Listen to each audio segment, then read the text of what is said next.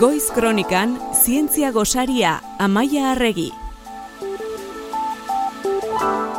Gaur belarriak erne jarri behar ditugu Zientzia Gosarian.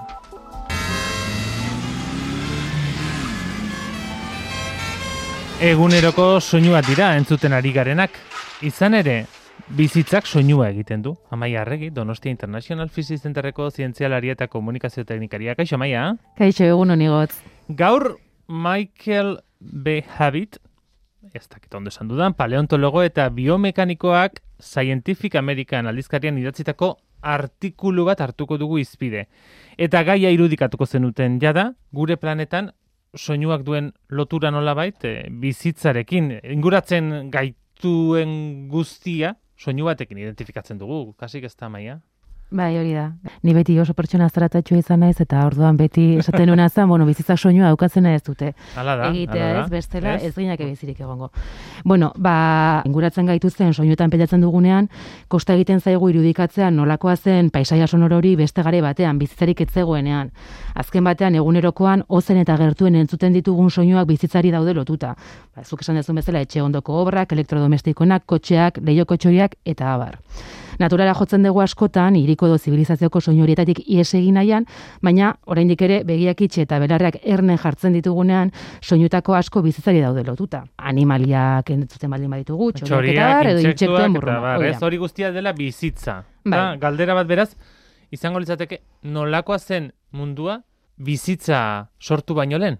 Hori da, norakoa zen munduko soinua, ez da? Ba, gure planetaren historiaren parte handienean zehar, elurrean ez da bizitzarik egon, eta soinuak lurrazaleko dinamikarekin zuen zerikusia, ba. Euria, olatuak, bueno, hori pentsatzen dugu, claro. Euria, olatuak, aizea, sumendietako estandak hori izango zen gure paisaia sonoroa. Eta guztia, unoski, atmosferari esker, soinuari edabidea ematen diolako, atmosferari gabe, ez zen soinurik egongo. Baina horrekiko nolabait austura bizitza gertzearekin batera gertatu zen, ezta? Bai, horrela da. Bizitza gertu zen eta gaur egun dugun fosil erregistroaren arabera, zeren artikulu hau fosiletan oinarritzen da, ba, bueno, Eta eh, nola, hau nola hori da, nola irudikatzen duzu fosilioien soinua, ez? Bai, bueno, ba, esan dugun bezala, e, gizon hau paleontologoa da eta biomekanikoa da. Ja. Orduan, pues bueno, e, estrukturaietatik abiatuz eta egiten dituzten esperimentoekin ikusten dute, ba, nola izan, nolakoak izan zitezkeen animalia horiek egiten zituzten soinuak.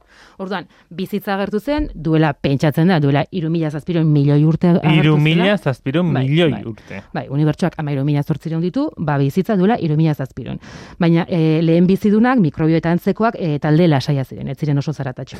Txiki txikiak. Hori da. Baina duela lareunda laro edo bostonda eta bostonda berrogei milioi urte artean izugarrizko estanda evolutiboa gertatu zen lurreko bizitzan.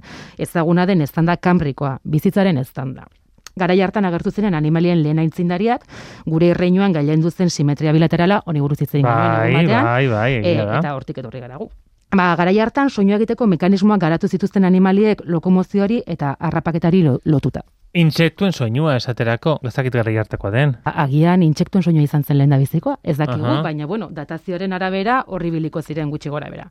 Ustezko intsektu zaharrena, dola larun da milioi urte bizi izan zen, eta ziurrenik ez zuen soinurik egiten eta itxua zen. Baina, hortik abiatuz, duela berronda berrogei mila urte, bai topatu Berrenda dira- berrogeita mar, milioi urte. Milioi, hori da. Milioi urte e, bai topaturia tetigonia de familiako intsektuak, ba, bueno, denok ezagutzen dugu osto berte itxura duten mantxin salto horiek ostoetan Mhm. egoten direnak. Eta zikada familiako intsektuak, ba, tinbalantzeko mekanismo bat e, garatu zuten, eta hori ja, duela berrunda, berrogeita mar milioi urte agertu zen. Norbait jakine balimako du nolakoa den soinu hori, jarri YouTubeen zikada noiz, eta, Mhm. eta entzun izango ez zuteneko berezia. Beraz, duela berronda berrogeita mar milioi urte, jada hor bai zehatz esan dezakegu, animalia baten soinu hori, intsektu baten soinu hori entzun zela lur planetan. Bai, hori da. Eta, kalaro, gainera, soinuak egiteko gaitasunak abantaila asko emango zizkien komunikazio eta aldetik eta baita bikotea erakartzeko ere. Eta hor hasiko zen pentsatzen da, ba, zaratatxunaren evoluzioa ditu zaion borroka biologiko e, mota berria. Gaur egun ere praktikatzen duguna, ez? Ba, soinu gehien egiten baldin badezu, ba, bisibilidade gehiago dukeko duzu, eta orduan, pues, igual, aukera gehiago izango dituzu ligatzeko. Intsektuekin hasi gara, baina pentsatzen ari nintzen, hainbeste milioi urte atzera eginda, narrasti handien, dinosauroen eh, soinuak ze ote ziren, ezta? Bai, anfibioek narrastiek eta ogaztunek laringe edo ahots kaja dute denek eta berez uste da azken, eh, azken arbaso aman komunetik jaso zutela duela irureun milioi eh, urte. Guk ulertzeko ez tarria esan Bai. genezak, ezta? Bai hori da, ziurrenik milioika urte behar izan zituen bokalizazio horrelagotuetan egozioen evoluzionatzeko, baina gutxi dakigu gara hartan olakoa zen zeren larengea kartilagozkoa da eta berez ez da ondo konserbatzen. Pixka bat berandu duela berrondagoita mar milioi urte e, mesozoikoan mundua benetan zaratatxu bilekatu zen. Adibidez, igelak agertu ziren eta ugaztunak beren oiu marmar eta txistuekin. Lehen ugaztun hauen soinu aparatuen froga zuzenik ez dago, baina bai belarrien fosil erregistro zabala ba, ugaztunen entzumena berezia da, e, frekuentzia altuak entzuteko gaitasunarekin, eta beraz beste animalia batzuk entzun ezin dituzten frekuentzetan komunikatzeko gaitasuna emango zuela pentsatzen da.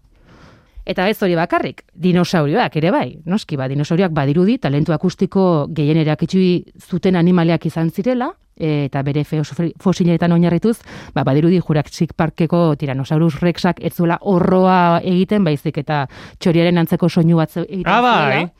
Bai. Beraz gure iruditerian dagoen horroi erraldo izugarri hori etzen horrela. Ez, ez, badirudi txori baten antzekoa zela, nasalagoa zela, baina oso bajua.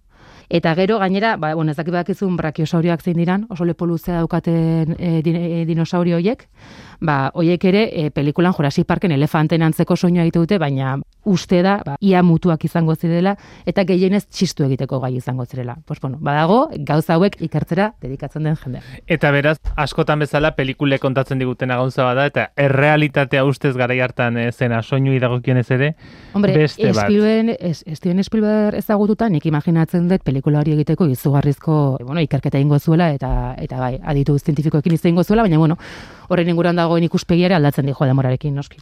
Eta ez da berdina, olako animalitzar raundi bat ikusi, eta txori baten atzeko egitea, edo horro handi bat, claro, eh, claro. bildurra eragiteko. Gero ere lizentzatu hartu behar dira, pelikulari intensidade emateko. Soinu ez ari garela, maia, niretzat, behintzat, txori soinua da, dagoen atseginenetako bat. E, kasu hortan, ze esan genezak, eh? Dinosauro ez ari garen, baki gutxoriak dinosauretatik eratorria direla, ez da? Bai. Zemar duguna da, interesgarriena, siringe izeneko egitura bokal berezi bat daukatela trake eta biriken artean. Laringea motzagoa da, baina guk ez daukagu e, siringe hori, eta e, ahotsaren kontrol guztia dauka, eta honek erresonantzaren efizientzia asko betzen du, eta e, energia berdinarekin soinu gehiago egiten dute txoriek. Soinu handia egiteko gaitasuna daukate. Gainera oso bitxia da, e, zeren birika bateko eta besteko arnasa independenteki kontrola ditzake kantatzeko banaka edo eta bi birikak erabiliz. Mm -hmm. bueno, ba, oso kantari onak direla, ba, ba bai, eske anatomiak ere laguntzen dio. Duela, e, irurogeita milioi urte topatu da egitura hau lehen da biziko aldiz. Duela irurogeita sei milioi urte beraz. Bai. Txori... Gerota gertu dago gaude. Bai, e... ari gara gerturatzen ez, milioika urteka txori kantuak bai. e, gure lur planetan e, lehen aldiz entzun zireneko froga. Eta hainbat animalik soinu bidez ere ikusten dutela. Bai, ez? Hori bai. badakigu ja da, saguzarrek esaterako, ez, askotan bai, esan da. Bai, eta baleek ere bai. Bueno, ba hori, e, duela irurogeita zei milioi urte, garai berean, e, mundua soinuaren bitartez modu berri baten interpretatzeko gaitasuna agertu zen, ekolokalizazioa. Esan dezun bezala, saguzarrek eta baleek erabiltzen dutena ba, bueno, badakizu, azkenean e, soinu izpi bat bidaltzen da, eta honeko objektu bat detektatzen du, eta bueltan etortzen da, errebote hortan, oi hartzuna detektatzen dute, eta horrela ikusten dute zer dagoen inguruan, ez? Abantala handia da, e, gau eta urrilunetan nabegatu eta eizatzerako aukera eman zielako. Interesgarria zen, argerekin bezala, kolokalizazioarekin ikusi daitezkeen gauzarik txikiena emititutako soinu izpiaren win luzerarekin dago lotuta. Hau da, zu gauza oso txiki bat ikusi nahi badezu, intsektu txiki bat adibidez, ba, frekuentzia altuak beharko dituzu horregatik xaguxarrek oso frekuentzia altuekin eh, egiten dut, bueno, emititzen dituzte, ba, gauza txikiak detektatu alizateko. Asko ba, guk entzun ezin ditzazken. Hori da. Ultrasoinuekin. Noski, evolutiboki abantaila handia da, intsektuak ezin dute deia da ezkutatu, eta azken aldean hain modan dauden xaguxarrekin loraldia, e, xaguxarrek gara hartan loraldia izan zutela uste da. Eta, bueno, ba, dagokinez, ba, uretan soinu asko zero beto edatzen da, abiodura asko zandiagorekin eta galera gutxiagorekin, hori denok nabaritu dugu ez, urazpen sartzen dugunean burua, soinua asko zere garrantzitsuagoa. Beraz, urrutirago erabiltzeko gaitasuna ematen du ekolokalizazioak eta izurdek erabiltzen dute instantzia handiagoak hartuz, berreun metrotara e, erabili dezakete gaitasun hori. Eta detekzioa beharrean gure helburua urrutirista baldin badau da komunikazio bezala erabili nahi baldin badagu soinu hori, aukera honena frekuentzia bajuak erabiltzea da eta horretan irabazleak dira e, bale bizardun erraldoiak. Hauetako batzuen kantuek ehunka eta ziurrinik milaka kilometro bidaiatzen dute. Ene, milaka kilometro soinu batek, pentsa.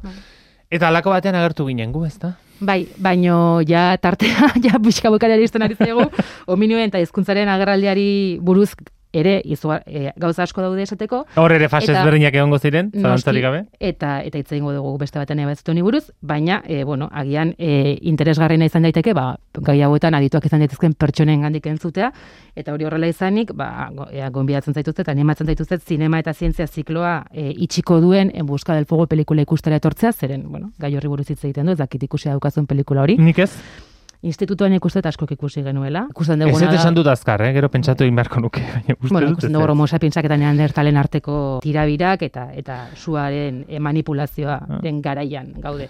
Zientzia eta, eta zinema zikloa itxiko duen eh, filma. Bai, zeren gaina Maria Martinon etorriko da, e, bera zenieko zuzendaria da, e, Atapurkako e, jazimentoari lotuta dagoen ikerketa zentroa, Burgosen, bera da zuzendaria, e, bueno, mundu mailan oso ezaguna den ikerraria, eta baita Maria Jose Iriarte arkeologoa eta ikerbask ikerraria Euskal Herriko Unibertsitatean.